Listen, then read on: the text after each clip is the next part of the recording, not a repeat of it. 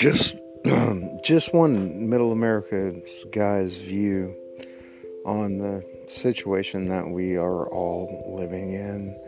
Um, I'm sure there's a lot of people out there that uh, think the same way I do.